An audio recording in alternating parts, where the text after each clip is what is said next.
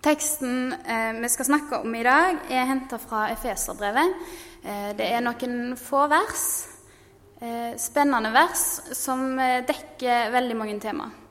Eh, og For at vi skal slippe å være her inne hele dagen, så har jeg valgt å trekke ut eh, to tema, eller to ord fra de versene som jeg vil få sagt litt om.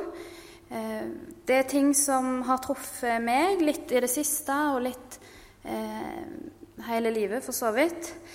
Um, og kanskje de treffer dere. Uh, og det handler om råtne ord, og det handler om tilgivelse. Uh, vi leser teksten sammen.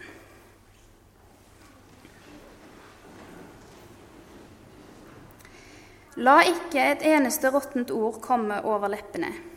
Si bare det som er godt, og som bygger opp der det trengs, så det kan bli til velsignelse for dem som hører på. Gjør ikke Den hellige ånd sorg, for ånden er det seil dere er merket med helt til frihetens dag. Slutt med all hardhet og hissighet, med sinne, bråk, spott og all annen ondskap. Vær gode mot hverandre, vis medfølelse og tilgi hverandre, slik Gud har tilgitt dere i Kristus. Det var Efeserne 4, 29-32. Og Da begynner vi med den første delen, som handler om de råtne ordene. Dere ser den første setningen her. La ikke et eneste råttent ord komme over leppene. Eh, jeg satt i en fin prat her om dagen, eh, og vi som snakket i lag, vi, vi snakket litt om ting som vi, vi angrer på i livet. Eh, litt sånn Begynte å fortelle litt sånn historier om ting vi hadde gjort. og sagt, og plasser vi hadde vært, og ting vi liksom tenkte at æsj, det der skulle jeg virkelig ønske at jeg ikke hadde gjort. Ting som hadde skada andre, kanskje. Ødelagt vennskap. Eller ting som hadde gjort at vi hadde gått glipp av store ting. Eh, og Vi satt der i lag og fortalte historier og grubla litt på hvorfor det hadde gått akkurat sånn. Eh, kjente litt på den der eh, skammen og, og litt sånn lettelse over at ok, men dette er iallfall lenge siden. Noe av det. Eh, men eh, det var litt sånn eh, spennende og, og vondt på en gang. Men for min del, mange av de episodene jeg sa da i den samtalen, og ting jeg har tenkt på etterpå, var ting som jeg har sagt. Ikke nødvendigvis ting jeg har gjort, men ting jeg har sagt med ordene mine. Jeg er en ordrik person og kan av og til mangle filter. Så jeg er kanskje litt sånn, ut fra min personlighet litt utsatt for å ha mange ting på den lista med ting jeg har sagt som jeg angrer på. Eh, men samtidig så tror jeg ikke at jeg er den eneste som, som har sagt ting som jeg gjerne skulle ønske jeg hadde latt være. Det kan ha skjedd eh, av ren glipp, eller av ren ondskap eller sinne. Eh, fordi jeg hadde lyst til å såre noen med ordene mine. Eh, vi sier veldig masse, og det er lett at det blir feil. Kanskje fordi vi tenker mer på oss sjøl enn på de vi snakker med. Eh, fordi vi slåss for noe. Eller fordi vi kanskje tenker 'hallo, det kan ikke være så farlig, de må jo tåle såpass'. Eller fordi vi er blinde av vårt eget perspektiv på livet, eller ja Du kan fortsette lista sjøl. Eh, og så, Det er fortsatt ikke sånn kjempelenge siden jeg var, jeg var tenåring. Og, og, da var dette en veldig stor del av hverdagen. Ting som ble sagt, som ble dumt, ting som ble vitsa med, og satte spor som, som jeg har skjønt nå at folk har båret med seg i ti år. Ting vi sa for å løfte oss sjøl opp, for å trykke de andre ned. At vi misbrukte betroelser. For hvis jeg fortalte ei venninne en hemmelighet, så fikk vi en slags sånn allianse som gjorde at vi liksom var litt sånn bestevenner, og det ga meg et, et overtak i, i, vennegjengen. Vi ga hverandre kritiske kommentarer som pakte inn som et slags kompliment, sånn at vi skulle virke snille, men egentlig ville vi såre. Og så var det jo den der baksnakkinga om hva han eller hun hadde gjort, og hvorfor de var så teite og så dumme. Og... Men hun er jo ei grei jente, da. Litt sånn på slutten, for å på en måte avslutte. Eh, altså, så, som tenåring var det, var det ekstremt. Eh, men som litt mer voksen så kjenner jeg meg dessverre fortsatt igjen. Eh, F.eks. i den kristne vennegjengen min så er vi jo fromme og rause folk. Eh, vi drikker vann og kaffe, og vi spiller brettspill, og vi ber i lag før vi går hjem om kvelden. Vi banner ikke, vi mobber ikke, vi skjeller ikke hverandre ut. Men de kjipe ordene dukker jo fortsatt opp fremdeles. Bare at vi pakker det kanskje enda bedre inn at vi lufter ting som går over fra å være en måte å fortelle en historie til å bli eh, å tråkke noe ned. Eh, vi har humor, kommentarer, som, som kanskje ikke alltid er som de burde vært. Vi sier fortsatt masse som ikke burde blitt sagt. Eh, men da er det dette verset, da, om de råtne ordene. Her er vi i Efeserbrevet kapittel 4, og før det så har Paulus brukt tre kapitler, Efeserne 1, 2 og 3, på å bygge et slags sånn grunnlag. Han forteller veldig masse om hva vi har som kristne, hva vi er, hva vi får når vi hører til hos Jesus. Han bygger et flott grunnlag som vi trenger. Og så, fra kapittel 4 og resten av Efeserbrevet, så går han liksom et skritt videre og så sier han litt om ok, når vi har alt dette her, hvordan skal livet da se ut? Hva skal vi da bruke oss sjøl og livene våre på? Og noe av det han får lyst til å ta opp da, er ordene våre. La ikke et eneste råttent ord komme over leppene. Eh, og når han sier det på den måten, med, med det bildet med råttenhet, så får jo ikke jeg lyst, jeg heller. Eh, jeg ser alltid for meg, Når jeg leser det, så ser jeg for meg den der agurken eh, som har havna bak syltetøyglasset i kjøleskapet, eh, og som har ligget der i noen måneder og rukket å ligge der på en måte og begynne å renne litt. Og så har han ligget i sida og Jeg vet ikke om dette skjer i kjøleskapene deres. Det skjer iallfall i mitt. Noen nikker, takk. Jeg ser iallfall for meg den agurken som er litt sånn gjennomblaut av seg sjøl og kanskje litt sånn hårete. Eh, eller så husker jeg lukta av det der rekeskallet som jeg glemte å hive før jeg reiste på ferie. Eh, det tenker jeg på når jeg ser ordet 'råttent'. Og tenker jeg jeg har iallfall ikke lyst til å si sånne ord. Jeg har ikke lyst at sånne agurker og rekeskall skal komme ut av munnen min. Jeg er glad de ikke skal inn, men er det egentlig bedre at de skal ut? Ut fra meg og til andre, der det setter seg fast og gjør at folk føler seg uvel og, eh, og ekle.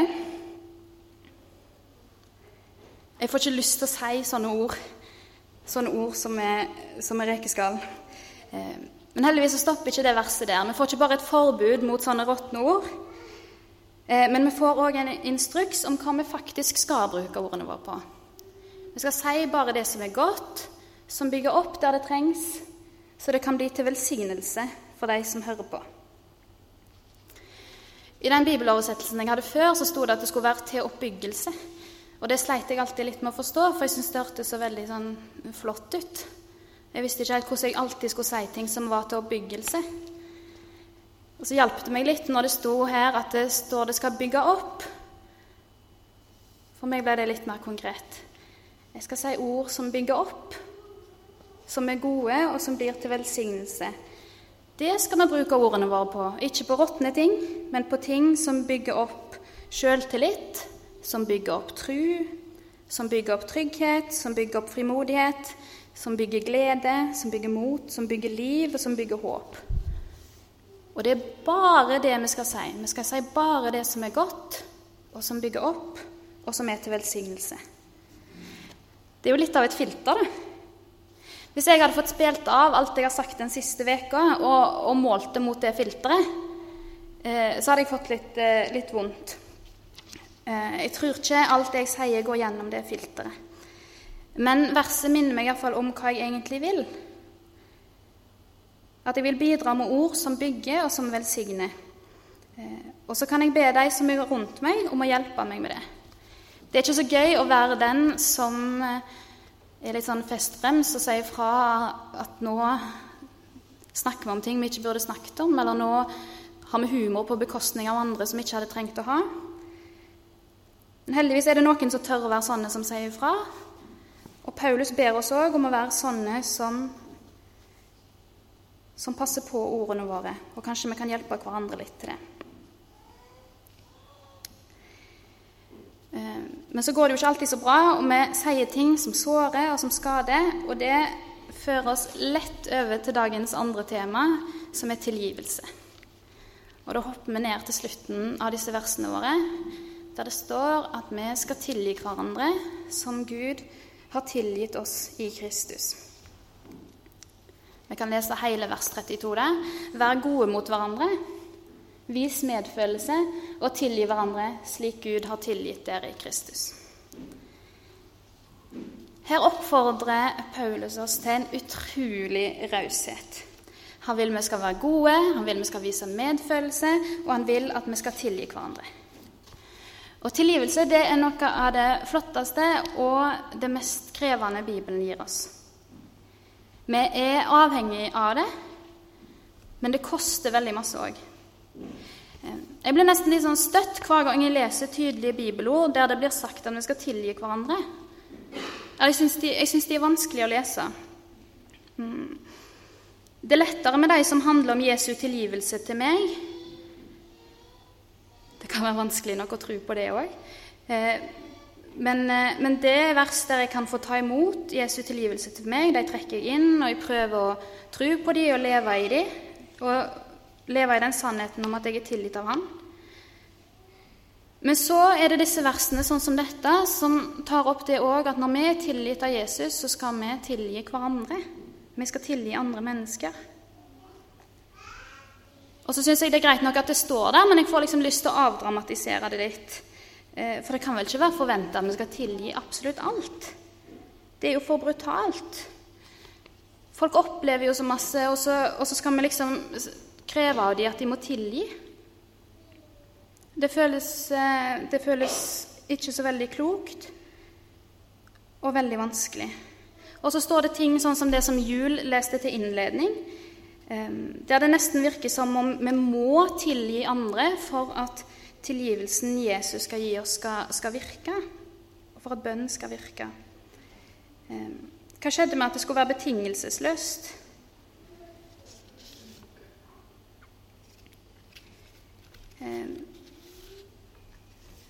Jeg skal ikke svare på alt som har med tilgivelse å gjøre i dag. Eh, men jeg har lyst til å peke på to ting som teksten vår gir oss, og andre tekster i Bibelen, som kan lære oss litt om det med tilgivelse, og om disse versene som ber oss om å tilgi hverandre. Og Det første jeg har lyst til å trekke fram, er en slags naturlov, en regel, som Bibelen lærer oss veldig ofte. Og det er den at når vi får en befaling eller et påbud, en oppfordring i Bibelen, så er det alltid et løfte som kommer først, og som er større enn det vi er bedt om. Når vi blir bedt om å elske oss sjøl og andre, så er det fordi vi allerede har blitt fortalt at vi er elska av Gud, og at alle er elska av Gud. Når vi blir bedt om å drive misjon, så er det òg sammen med det løftet om at Jesus vil være med, og vi skjønner at han tar ansvar for prosjektet hele veien. Eh, og når vi blir bedt om å tilgi, så står det òg sammen med det at ja, men dere skal det, fordi at alt du har gjort, er tilgitt først. Så Jesus gir et løfte først, som er større, og så gir han oss en oppfordring etter det. Det er ikke noe vi skal finne på sjøl. Vi skal ta imot en sånn deilig, raus tilgivelse fra Gud. Og på grunn av det så skal vi tilgi de som skader oss. Det står tydelig her, og det står like tydelig i Kolossene 3,13.: Som Herren har tilgitt dere, skal dere tilgi hverandre. Det henger så tett sammen. Vi skal tilgi hverandre fordi Gud har tilgitt oss. Vi lærer det om det òg i en fortelling i Matteus 18 eh, om en som hadde ei kjempestor gjeld. Eh, det sto at eh, det tilsvarte 60 millioner dagslønner. 10 10 000 talenter. Ei kjempegjeld. Um, som han eh, fikk eh, Han ble fri fra den gjelda. Men rett etterpå så gikk han og krevde inn 100 dagslønner av en som skyldte han det. Så det er jo en minisum i forhold til det han nettopp hadde blitt fri fra. Um, og så blir det nesten litt sånn grelt. Sant? At han, han, han, ble fri fra så utrolig masse gjeld, og så var ikke han raus nok en gang til å slippe fri han som skyldte han bitte litt. Jeg tenker at hallo, selvsagt skulle jo han latt han andre gå, han som skyldte han bitte litt, når han hadde fått slippe så masse. Eh, og det er det samme som gjelder oss. Vi blir tilgitt så utrolig masse. Vi blir tilgitt alt.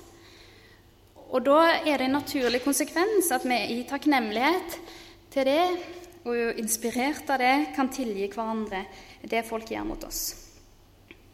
Vi kan si det sånn at tilgivelsen vi får fra Gud, det er en ressurs for oss i arbeidet for forsoning med andre. Det at vi er tilgitt av Gud, gir en trygghet, det gir oss en plattform og en erfaring som gjør tilgivelse til andre mer tilgjengelig og mer mulig. Og det at vi skal tilgi andre, er ikke et krav som er satt for at vi skal bevise noe, at vi er verdt tilgivelse fra Gud. Men relasjonen vår til Gud blir speila i relasjonen vår til andre. Og tilgivelse er ikke noe vi eier. Det er ikke, noe, det er ikke en ting vi setter på peishylla når vi har fått det. Det er bare noe du kan gi til andre. Når vi blir tilgitt, så skal det ikke stoppe opp. Det skal gå videre til de som trenger det, og til de som ber om det. Når vi ber om tilgivelse, så hiver vi oss med på et sånn tilgivelsesprosjekt. Eh, og da er det forventa at vi er villige og utrusta til å gi det videre til andre. Så vi blir tilgitt først, og derfor skal vi tilgi andre. Det andre jeg har lyst til å si litt om, er at Bibelen tar på alvor det at tilgivelse er vanskelig. Bare tenk på hvor ofte tilgivelse er et tema i Bibelen. Og det står tydelig mange ganger at vi er bedt om å tilgi hverandre. F.eks. etter Fader vår, vår far, rett etter Amen i Matteus 6, der den står, så er det to vers som på en måte gjentar det som sto inne i bønna om tilgivelse. Jesus ville liksom løfte fram det en gang til og poengtere det en gang til. Ja, jeg mente det jeg sa, dere skal tilgi hverandre. Hvis det hadde vært kjempelett for oss å tilgi, så hadde han jo kanskje ikke trengt å si det så mange ganger. Men han visste at det var vanskelig. Han visste at han, han traff noe der. Og han fikk lyst til å si det flere ganger. Um, så fordi det er et tema så ofte, så skjønner vi at, at Bibelen tar på alvor at tilgivelse kan være vanskelig. Det kan være vanskelig å tilgi hverandre. Jesus vet at det skjer vonde ting, han vet at ting ikke kan bli ugjort, men likevel vil han få sagt tydelig at tilgivelse er mulig og viktig. Og kanskje det òg er nødvendig å tilgi hverandre for å klare å gå videre sjøl. Eh, for noen år siden så, så jeg en film på kino som heter The Descendants. Kanskje noen av dere så. Det var George Clooney og sånn. Eh, men det handler om en mann som er på ferie med ungene sine mens kona ligger i koma. Eh, og mens de er på, på tur, så oppdager han at kona har gjort en del fæle ting mot han. Hun har svikta han ganske grovt. Eh, og så har han en sånn prosess i løpet av denne filmen der han er sint på kona, men må på en måte jobbe med dette her, med følelsene sine rundt det som skjedde. Og så, litt ut i filmen, så, så bare roper han 'Jeg må tilgi Jeg må tilgi For jeg, ikke for hennes del, men jeg trenger å, å bli ferdig med dette. her. Jeg, jeg, jeg, klarer ikke å gå og holde på dette her. Jeg må bare tilgi henne. Han trengte det for å ikke være bitter og låst for resten av livet. Han hadde ikke lyst til å gå og bære på det, han hadde lyst til å legge det fra seg. Og Det betyr jo ikke, verken der i filmen eller, eller for noen av oss, så betyr jo ikke det at ting skal bli glatta over og bli tatt lett på eller at vi skal legge til rette for å bli såra igjen. Eh, god tilgivelse det, det stiller også krav til endring eller forventninger om at, om at ting blir gjort annerledes neste gang. Eh, når jeg var, var, liten, så hørte jeg en fortelling som, uh, som festa seg veldig hos meg. Om en liten gutt eh, som gjorde veldig masse galt. Det var liksom et problem at han var, han var en sånn som, som, alltid gjorde det han ikke skulle. Og Faren visste ikke helt hva han skulle gjøre med denne ungen for å liksom få skikk på han. Og så sa han at for at du liksom skal forstå konsekvensen av alt det du gjør, så skal jeg nå begynne å slå inn spiker i låvedøra hver gang du gjør noe galt. Så skal du liksom få måtte møte det der. Så hver gang gutten gjorde noe han ikke skulle ha gjort, så måtte de ut til denne låven, og så slo de inn en spiker, og så vokste det med sånn, eh, spikrer i denne låvedøra. Men så sa faren det at eh, hver gang du gjør noe godt, så trekker vi ut en spiker. Så skal du få lov å jobbe på dette regnskapet ditt. Eh, og hver gang du ber om unnskyldning og sånn for det du har gjort som er dumt, så trekker vi ut den spikeren vi har slått inn. Eh, og gutten, han, eh, han forandra seg. Dette ble en motivasjon for han. Eh, og den døra som en stund hadde vært så veldig full av spiker, ble etter hvert helt tømt. For han forandra seg, og han gjorde gode ting. Og han ble stolt og var så fornøyd med at han hadde klart å, å leve på en god måte. Men da tok faren han med igjen ut til denne låvedøra, og så sa han det. Men se her, Ser du alle merkene i døra? At selv om, selv om jeg har gjort opp igjen for det som var vondt, så har det satt et spor. Eh, og så var på en måte moralen eh, at en aller helst skulle unngå ting eh, i utgangspunktet. Eh, ja. En kunne snakket lenge om den, den fortellingen, eh, men han har iallfall fulgt meg. Eh, og poenget er at tilgivelsen gjør ikke at alt er greit å gjøre. Eh, Jesus heller tar ikke lett på det vi gjør galt. Han ser ikke gjennom fingrene på det. Han tar det så alvorlig at han til og med ville dø for det. Men så tilgir han.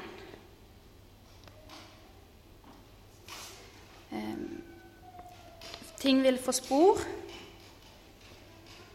men tilgivelsen er komplett. Og vi skal slippe å gå og bære på skyld. Og vi er bedt om å møte mennesker som Jesus møtte mennesker. Og vi skal ta det som er gjort galt, alvorlig. Vi skal ta det så alvorlig at vi tør å møte det og sette ord på det og tilgi, og så bygge hverandre videre. Og når vi er kristne, så har vi noe å gi, for vi kan være rause. For vi får jo raushet og overflod av Gud sjøl, og Han vil bekrefte oss og fylle oss, og det gjør Han når vi tror på Han. Og på grunnlag av det som vi får av Han først, kan vi være sånne som bygger opp, og sånne som tilgir. For Han gjorde det aller først. Jesus, takk for dine ord til oss.